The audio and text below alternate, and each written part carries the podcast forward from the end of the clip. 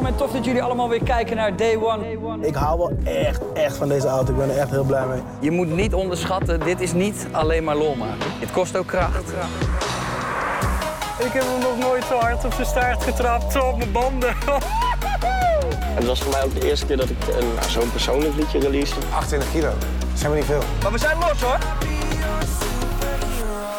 Goedemorgen, middag of avond en welkom bij weer een nieuwe Day One podcast. De vrijdageditie 7 augustus om precies te zijn. Er staat een nieuw weekend voor de boeg en daarom stoom ik je, Jordi Warnes, binnen een half uur klaar voor dat weekend.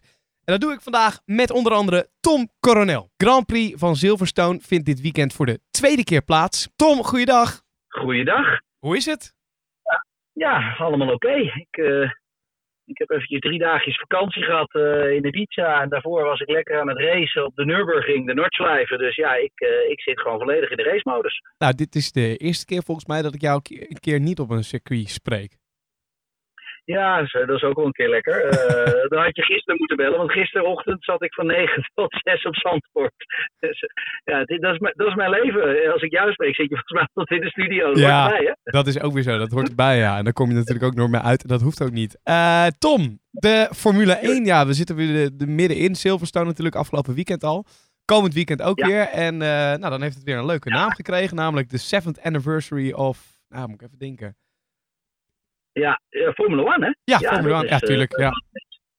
70 jaar Formule 1. Ja, het is, het is de tweede keer natuurlijk dezelfde baan. Ehm, ja, dat, dat, dat is nou eenmaal even zo. Maar dat is hetzelfde zoals we het in Oostenrijk hebben gezien. Ehm, het waren twee verschillende races. En daar, iedereen was heel bang. Dat zeiden, ja, maar twee keer hetzelfde circuit, wordt twee keer dezelfde uitslag en dat soort dingen. Nou, dat is dus niet waar. Eh, Dat heb ik ook duidelijk, eh, duidelijk gezegd. Eh, er is niets veranderlijker dan autosport. En dat hebben we dus ook gezien afgelopen weekend. Want als iemand had durven dromen dat Max überhaupt het podium zou gaan komen, dan had ik gezegd, joh, jij moet het gesticht in. Want dat lukt zeker niet op Silverstone. Ehm, maar hij werd wel tweede. Dus Ja. de enige die maar het gesticht in moet, dat ben ik dan in dat geval. Maar dat, daar bedoel ik mee aan te geven dat ehm, er gebeurt er altijd iets wat je niet verwacht. En dat zagen we bij Bottas met de band die klapte. Max had hem zelfs nog bijna gewonnen als we een halve ronde extra hadden gehad. Dus ja, dit, dat, dat is nu ook wat ik weer ga verwachten. Het is weer een Grand Prix die weer heel anders is dan we vorige week gezien hebben. En denk jij daarom ook dat we bij een volgend seizoen of misschien een seizoen daarna wel meer van dit soort situaties gaan krijgen? Dat het circuit gewoon twee keer gebruikt wordt? Want eigenlijk is het bizar kostenverlagend, denk ik ook wel. Als je gewoon Ja. het zo lang op hetzelfde circuit blijft. En het maakt voor de race dus blijkbaar niet uit. Ehm, nee, nou ja, dit is, dit is, weet je, alle critici wordt hiermee de mond gesnoerd. Alle mensen die zeggen, ja, maar dat, dan, dat wordt hetzelfde, ja, maar dat, dat is dus niet uitgekomen. Het is altijd anders in autosportland. Ehm, en ja, ik durf dat te zeggen omdat ik een beginner ben in autosport. Ik doe dit namelijk pas 31 jaar. En ik ben er zelfs mee opgevoed eh, vanaf dat ik geboren ben. Dus eh, dat is de reden waarom ik het ook zeg. Eh, en daar krijg ik ook best wel eens heel veel kritiek op. Maar ik zeg altijd, ja jongens, ik zeg dingen omdat ik het echt heel zeker weet. Ehm, en, en, en dat blijkt dus ook weer. En het is niet dat ik me gelijk wil halen. Absoluut niet. Maar wij gaan gewoon weer een serieuze vette Grand Prix krijgen. En, en dan zegt iedereen, hoezo? Ik ben in slaap gevallen tijdens de Grand Prix. Het was hartstikke saai. Nou, dan had je toch even wakker moeten blijven. Want het venijn zat er nu weer in de staart in die laatste drie ronden. En komend weekend temperaturen boven de 30 graden. We hebben natuurlijk wel gezien de afgelopen jaren dat Mercedes het best wel zwaar heeft met hete condities. Red Bull daarentegen gaat best wel lekker rond de 30 graden. Wat, wat verwacht je? Ja, dat is, ja, weet je, kijk, dat is het enge. Silverstone is, is een Mercedes-circuit. Mercedes is momenteel te sterk. Dus, eh, eh, dus maximaal, als Max derde wordt, dan heeft hij voor mij gewonnen. Maar ehm, zoals jij het nu brengt, om ook weer een beetje de spanning op te voeren, eh, heb jij ergens natuurlijk wel gelijk. En dat hebben we vorig jaar ook in Oostenrijk gezien. Ehm, het heeft te maken natuurlijk met het laden van de accu en de extra energie. Dat als het warmer wordt, ja, daar zijn zij iets minder sterk in. Althans, dat is gebleken vorig jaar. Ja. Maar ja, omdat ze vorig jaar problemen hadden, dan zie ik meestal dat ze het jaar daarna het probleem hebben opgelost. Want dat is natuurlijk hoe sterk zo'n goede club is. Dat ze zeggen, ja wacht even, dat mag ons niet nog een keer overkomen. Maar daarentegen heeft Pirelli natuurlijk ook nog eens een keer een andere band meegenomen. Dus dat maakt het ook nog eens een keer interessant. Dus heel simpel gezegd, ik zeg gewoon jongens, maar één ding. Ga nou gewoon voor die buis zitten. En ga genieten. Want één ding weten we al zeker: met Verstappen is het altijd vuurwerk. En dat hebben we ook weer gezien. Want we hebben de laatste ronde gezien. We hebben de kwalificatie gezien. Hoe close het was. Dat eigenlijk iedereen om die derde plek vocht. Want de eerste twee waren natuurlijk weg. En wie pakte hem meer? Ja, weer hij. En het vergelijk met zijn teamgenoot was weer zo groot. Dat ik zeg: jongens, geloof me nou. Deze jongen is echt vet en uniek. Kijk, en je zal gewoon weer denken: van Coronel, dankjewel dat je me voor die televisie hebt gesleept bij 33 graden. In Nederland wordt natuurlijk ook heel heet. Nou, zeker weten, maar dat weerhoudt ons er absoluut niet van om naar die wedstrijd te kijken. Dan nog even het laatste. eh, die banden afgelopen weekend, dat was een gedoe. Veel lekke banden. Nou, Pirelli heeft eigenlijk een beetje de wind van voren gekregen. Vooral van de niet-race-experts heb ik zo het idee. Want ja, volgens mij als je race-expert bent of het vaker kijkt, dan weet je, dit is gewoon autosport. En nou, het ene weekend gaan de banden supergoed en het andere weekend kan er een keer een, een vuile band tussen zitten, toch? Nou ja, dat kan sowieso. Maar het is natuurlijk ook. Kijk, eh, zij geven aan, rijden 30 ronden op. En dan, dan onder die condities. Ja, gaan ze dan er 35 ronden op rijden? Ja, ik bedoel, het is net als met je straatband. Die gaat, de ene gaat 20.000 kilometer mee en de andere 50.000 kilometer. Maar heel simpel, op is op. En ga jij doorrijden op het staaldraad, ja, dan gaat die stuk. Dan is het gewoon afgelopen. Ja. En dat is iedere raceklasse. Ik bedoel, wij rijden dan met Goodyears in mijn raceklasse. Ik heb drie weken geleden, of even kijken, zes weken geleden, heb ik, is bij mij een band geploft in een bocht van 214 km per uur. Nou, ik heb mijn chassis afgeschreven. Ik zal het je filmpje sturen, Jordi. Eh, bedoel, doe ermee wat je ermee wil doen. Ja. Eh, maar die auto was, die was serieus plat als een nuppie. En toen zeiden ze ook gewoon, ja, je reed met te veel camber en je bent gestart met te weinig, eh, te weinig luchtdruk erin, dus te weinig bar. Dus ja, het karkas houdt het niet. Ja, dat heb je zelf gedaan, punt. Weet je, dus, dus ook daarin, Pirelli speelt gewoon natuurlijk mooi weer. Want die zegt gewoon, joh, eh, ja, je moet in die bandbreedte zitten. Ja, en iedereen zoekt de limiet op. En, en sommige mensen gaan er een beetje overheen. Ja, dan gaat het gewoon niet goed. Dat hoort ook gewoon bij het autosportspelletje. Duidelijk. Tom, mag ik je van harte weer bedanken voor een eh, heerlijk verslag. Of eigenlijk een eerlijk, eh, ja, hoe we het noemen, vooruitzicht naar de, de Grand Prix van komend weekend. 7th anniversary. Ja. Ehm, ja, fijn weekend. En veel kijkplezier natuurlijk ook. Ja, helemaal goed. Ik zit eh, vrijdag natuurlijk gewoon in het Formule 1 café. En zondag, nee jongens, ik zit zondag op de boot. Ik ben er weer bij in Spa. Lekker Tom. Veel plezier. Hoi Jordi, ciao ciao. En we bellen ook geregeld in deze podcast met Roan van Absolute Motors. Plat gezegd een tunings, eh rap bedrijf. Nou, in ieder geval ze maken auto's beter en het hogere segment auto's maken ze beter. Je kunt hen ook volgen op YouTube. Daar vind je de tofste projecten voorbij komen. En we hebben ook al eens eerder wat eh, podcasts van Day One bij Absolute Motors in Rotterdam opgenomen. En eh, ik vind het leuk om gewoon af en toe eens bij te praten met, eh, met Rowan over wat autonieuws. Rowan, goeiedag. Jordi, hoe is die? Ja, lekker. Jij bent bij Absolute Motors in Rotterdam. Pff, jongen, ik trek Ja. het niet meer, die hitte. Hoe zit het bij jou? Je bent bij ons geweest, hè? Boven, plat dak, Oh, alles ja. zwart geverfd. En eh, overal eh, ruiten omheen. Dus geen ven- ventilatie en vooral heel, heel veel hitte. Fantastisch. Echt geweldig. Ah joh, maar dan ga je toch af en toe ga je toch gewoon even een kwartiertje in zo'n Lambo met wat airco aan eh, zitten.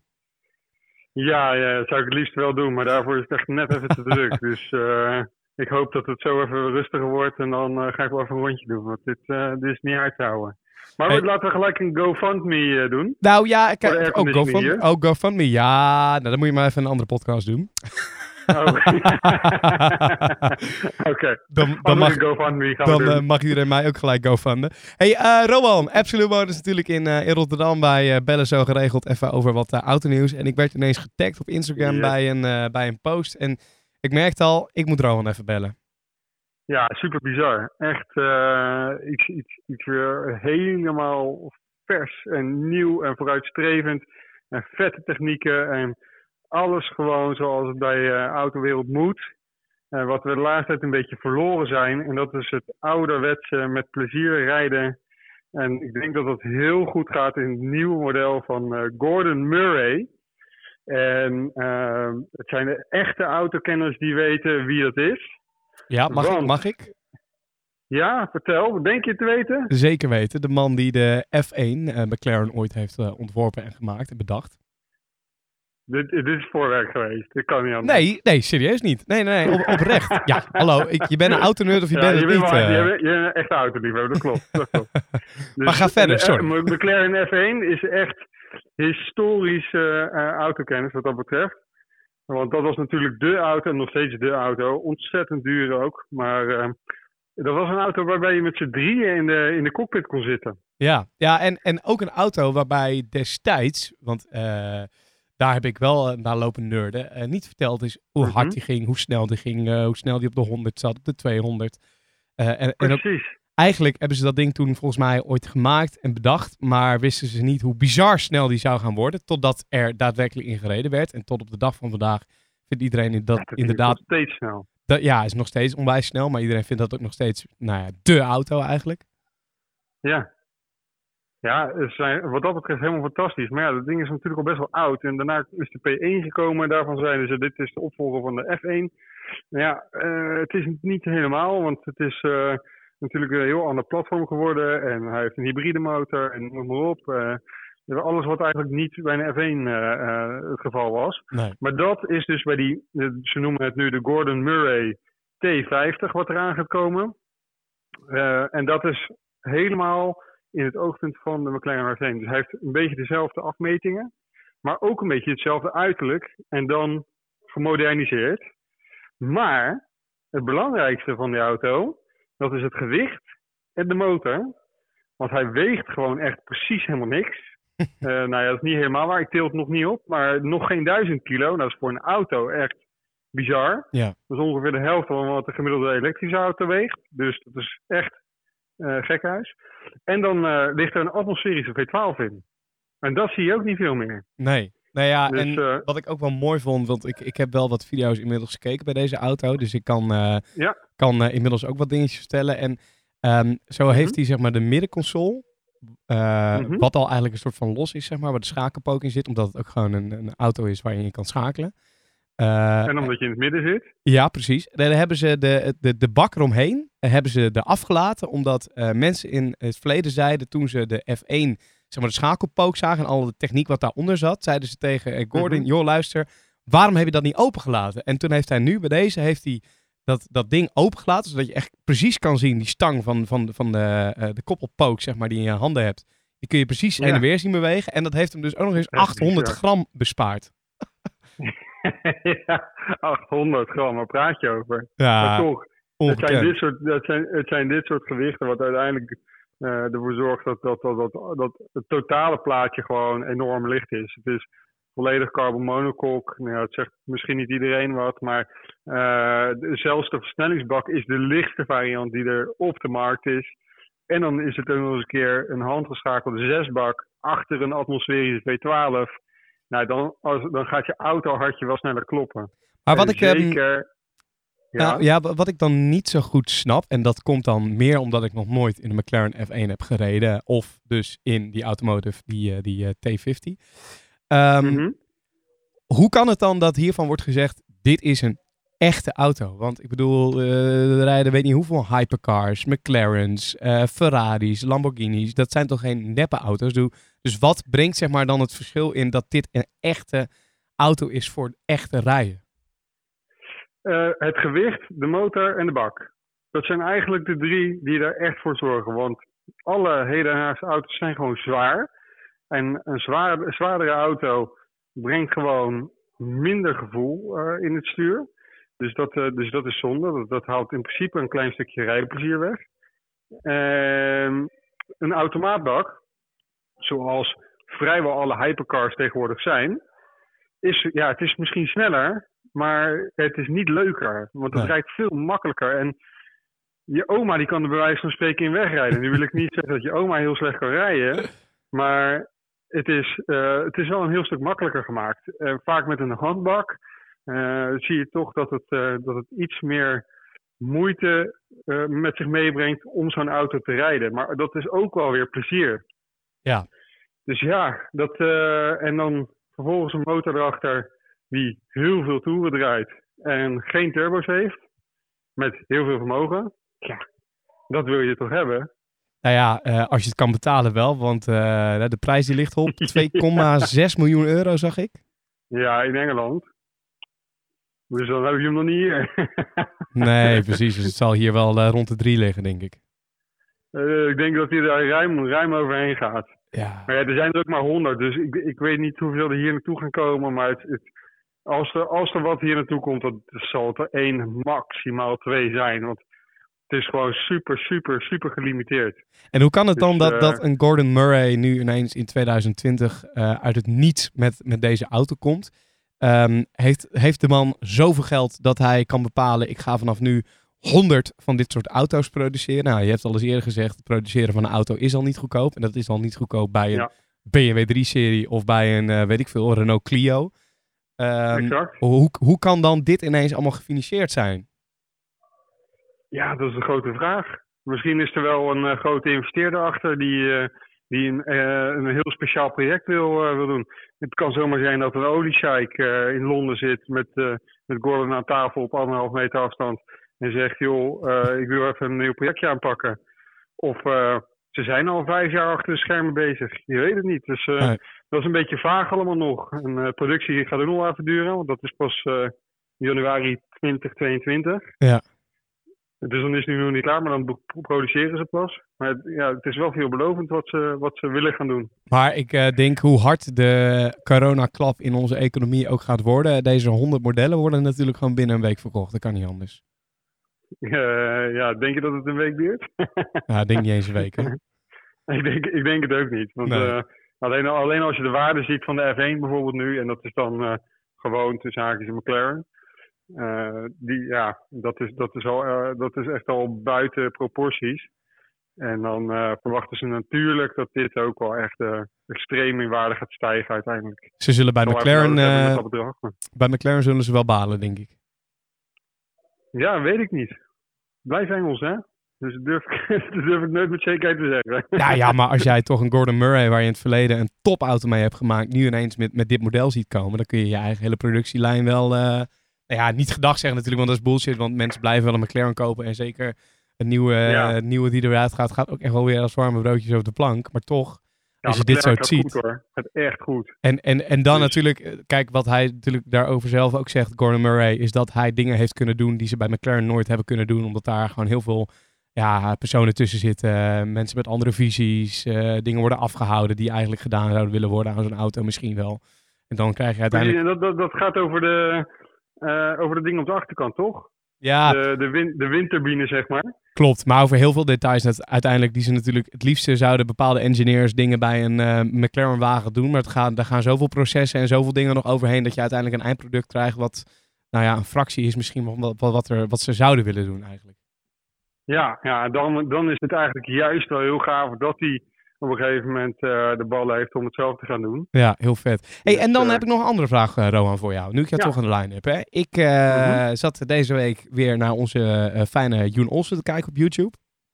Ja? En die had een paar Koenig zeg, had hij langs. Uit, Jesco onder andere. ja, de Jesco, maar ook de, Jex, de Je- Jexco.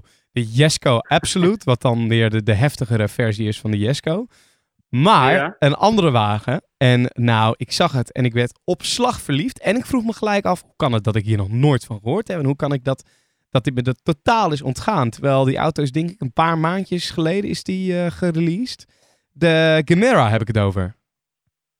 Ehm, ja, goede vraag. Wat- waarom heb je dat gemist? Nou ja, maar, maar is, dit, is dit wel eh, eh, uitgebreid eh, behandeld overal? En, Nou ja, uitgebreid niet. Omdat er gewoon eh, eh, ja, ja, nog niet heel erg veel eh, mee gedaan kan worden. Want de, de productieaantallen zijn natuurlijk heel laag van zoiets. Maar het- volgens mij is dat voor, voor, vorig jaar gewoon in Genève geweest. Dus Maar dit is toch de droomauto? Want voor de duidelijkheid, we hebben het over de de Koenigsegg, vierzitter. de Gemera. Ja, de vierzitter inderdaad. Waar echt, nou er zit volgens mij meer ruimte in dan in een RS6. Zou je bijna zeggen. Tenminste, wel, wel, wel als het om, om zitten gaat en comfort in de, in de auto zelf. Eh, sterker nog, er is ook nog wel best wel wat eh, opbergruimte eigenlijk in de kofferbak. Wat je, wat je niet zou verwachten. Een auto met, uit mijn hoofd volgens mij, 1700 pk. Ja, gaat nergens meer over. Nee, het is een, het is Gaat een, echt, gaat echt nergens meer over. dat is een auto met, met bizarre getallen. Mhm. Eh, en en met, met de bijzonderste snufjes eh, aan boord. Eh, ik heb het over LED-schermen, over, over, nou, weet ik veel wat je er allemaal mee kan. Het is bizar. Ja, maar dit dit- is toch de auto die iedereen wil hebben? Koenigsegg is zo bizar vooruitstrevend met alle technieken die ze hebben. Met hun eigen type versnellingsbak en ontwikkelde motor en noem maar op. Die doen echt gewoon alle engineering zelf. En dat is wel echt, echt, echt bijzonder. En zo zetten ze met de Gamera natuurlijk gewoon weer een heel tof project neer. Uh, hoeveel aantallen zij gaan produceren, weet ik niet. Maar dat is, ik, ik vind het altijd wel redelijk laag. Kijk, en dat houdt de exclusiviteit houdt dat uh, ten goede. Alleen wat ik dan jammer vind, is dat we het zo weinig tegenkomen. Die kun ik zeggen. Ja. Ja, ja hoeveel ik, ik ook. Hoeveel, hoeveel zie je er rijden in Nederland? Ja, nee, Nul. niet. Nee, te weinig. Eh, daar Ja. verbaas ik me dus ook zo over. Want dit, ja, ja, nogmaals, de cijfers, hoe het eruit ziet, van binnen ook. Ah, het ziet er echt prachtig uit. De, de interieur, geel en, en nou jongen, ik... ik Maar doe het eh, nog heel eventjes en jij gaat dus een Gamera kopen. nou, Rowan, ik, eh, ik, ben, ik ben gewoon een radio-dj. Voordat ik zo'n auto kan kopen, moet ik denk ik tot aan mijn dood toe, eh, nou, 180 uur per week eh, werken. En dan heb ik het nog niet gehaald, denk ik. Dit is, eh, dit Ik is een leak. En, en weet je wat het ook is? En dat heb ik natuurlijk ook bij die, die auto waar we het net over hadden, die T50. Voordat ik in mijn leven, ook al zou ik het geld hebben, voordat ik meer dan een miljoen euro aan een auto zou uitgeven, dan moet het wel een hele goede investering zijn om het weer terug te verdienen. Maar anders zou ik het nooit van mijn leven doen, denk ik. Ja, je moet wel heel erg veel miljoenen op je bank hebben staan. Wil je een auto van een miljoen gaan aanschaffen? Kijk, en, het, en een auto Ja. is aan zich natuurlijk al niet zo'n hele lekkere investering. Het ligt er wel aan wat voor auto je koopt natuurlijk. Maar Ja. ja. ja, nee, ja, ik zou het niet zo snel doen hoor, als ik het zou hebben. Nee? Toch niet? Nee, ja, en, je, je, en je, en je bent zo'n onwijs autofan, ja, weet ik. Maar, maar, maar maar toch zou je het niet doen. zou, zou het ooit goed voelen om in een auto van anderhalf miljoen de weg over te rijden? Ik denk, als het budget er maar is, dat het geen probleem is. Ja, je hebt ook wel gelijk eigenlijk. Het weet je, dat, dat, je, het is bijna niet voor te stellen eh, met wat voor een rijkdom sommige mensen leven. Eh, en, en hoe je je erbij voelt als je zo'n budget hebt om dan in zo'n auto te kopen. Kijk, wat, wat, wat, voor, wat voor ons misschien bijvoorbeeld een Porsche 911 is voor ons al een auto waarvan je zegt, wauw, dat is echt, eh, als ik dat ooit zou kunnen rijden, dan ben ik, dan ben ik helemaal happy. Ja. Maar ja, dat is voor hun de daily. En dan heb je natuurlijk weer een, een, een stap verder. Ik bedoel, eh, tien jaar geleden had je ook nog niet durven dromen dat je DJ was bij, eh, bij Q Music. Nee, dus- dat is waar. Maar goed, ja, ach, Zo maak je elke keer weer stappen. dat is ook weer zo. Hey, eh, ik denk dat het met automotive ook zo is. Dus ja, dat, dat, dat ben- daar ben ik het ook wel weer met je eens. Nou ja, ik, in ieder geval, mocht ik hem ooit kopen, dan kom ik even voor een x-spelletje bij jullie langs. Ja, dat zou ik sowieso doen. hey Hey, Jordi, trouwens, nog Oh, één ja. ding. Oh, je ik hebt heb nog- één, één, één, één kort dingetje. ja, We hadden het vorige, vorige keer hebben we, hebben we het gehad over de Virgil Abloh G-klasse. ja, van Mercedes. Ja, we hebben in ieder geval een plekje kunnen bemachtigen. Rot op. Hebben jullie die ook in de ge geclaimd? nou ja, er is, nog, eh, er is dus gewoon nog steeds niet heel erg veel bekend. Maar ehm, ook in Nederland eh, hebben we blijkbaar de mogelijkheid om ons in te schrijven voor aankoop van eh, een dergelijke G-klasse. En wij hebben toezegging gekregen dat we zo'n plekje eh, mogen bemachtigen. Dus dat is top. Ik ben benieuwd. Zo, dat is vet, hé. Ja, ik ben, ben heel... Als je, als je hem hebt staan, dan kunnen we deze afspreken dat ik heel even langskom om te kijken. Ik heb een aantal. eh, we hebben natuurlijk enorm zitten speculeren over die auto. Van, joh, wat gaat hij doen? Interieur, exterieur. Ja, Er was een of andere rare tekening. Nou, ja, er was eigenlijk precies net niks op te zien. nee. Maar je zag wel dat de bumper iets anders was. Dat die iets lager was en noem maar op. En ehm, we hebben ook even gezocht naar oudere interviews van eh Virgil. En daarin noemde hij bijvoorbeeld eh, aspecten als een kale body waar geen lak op zit. Nou, dat kennen we van de eh, auto van, van Back to the Future. De Ja. DMC DeLorean. Hè, de, Ja. de, degene die, die terug in de tijd eh, ging. Terug naar, het, naar, naar de toekomst. Ja, dat was een auto zonder lak. Zullen ze dat Ja. ook met de G-klasse gaan doen? Ehm, ik denk dat het heel bruut zou zijn bij een G-klasse. Zou gek zijn, hè? Ja, ik zie nu al trouwens, nu, ik ik- nu, ik dit, dit zit, is onze speculatie. nu ik zit te googelen op eh Virgil Abloh en eh, dan de G-klasse, zie ik ook, eh, weet je wel, dat, dat dingetje wat je altijd aan die schoenen hebt hangen, zo'n zo'n label. Ja, ja, ja. De, label. Ja, de die- white label. Die door de grill heen aan de voorkant, zou ik wel, eh, Is dat Ja. iemand? ja, jij, jij, zou je eigen wel kunnen ontwerpen, hoor. Ja, precies. Oké, hey, eh, Rowan, thanks voor het heerlijke autoneurden weer van deze week. Eh, ik eh, hoor het al, je probeert een beetje te ontkomen aan het feit dat ik mezelf heb uitgenodigd in jullie showroom wanneer dat ding in die showroom staat. Sowieso. Ja. Ik ben altijd welkom. Oh, wel. Oké, nee, gelukkig. Nou, dan Ja. komt dat aan, aan het eind van het gesprek toch nog goed. Ik wens je een fijne dag, man. Sterkte met de hitte daar in de werkplaats en tot snel. Jij ook. Yo, is goed. En ik wil je alvast even op de hoogte brengen van de gast van aanstaande zondag. Dan ga ik babbelen met Jan Willem Schut.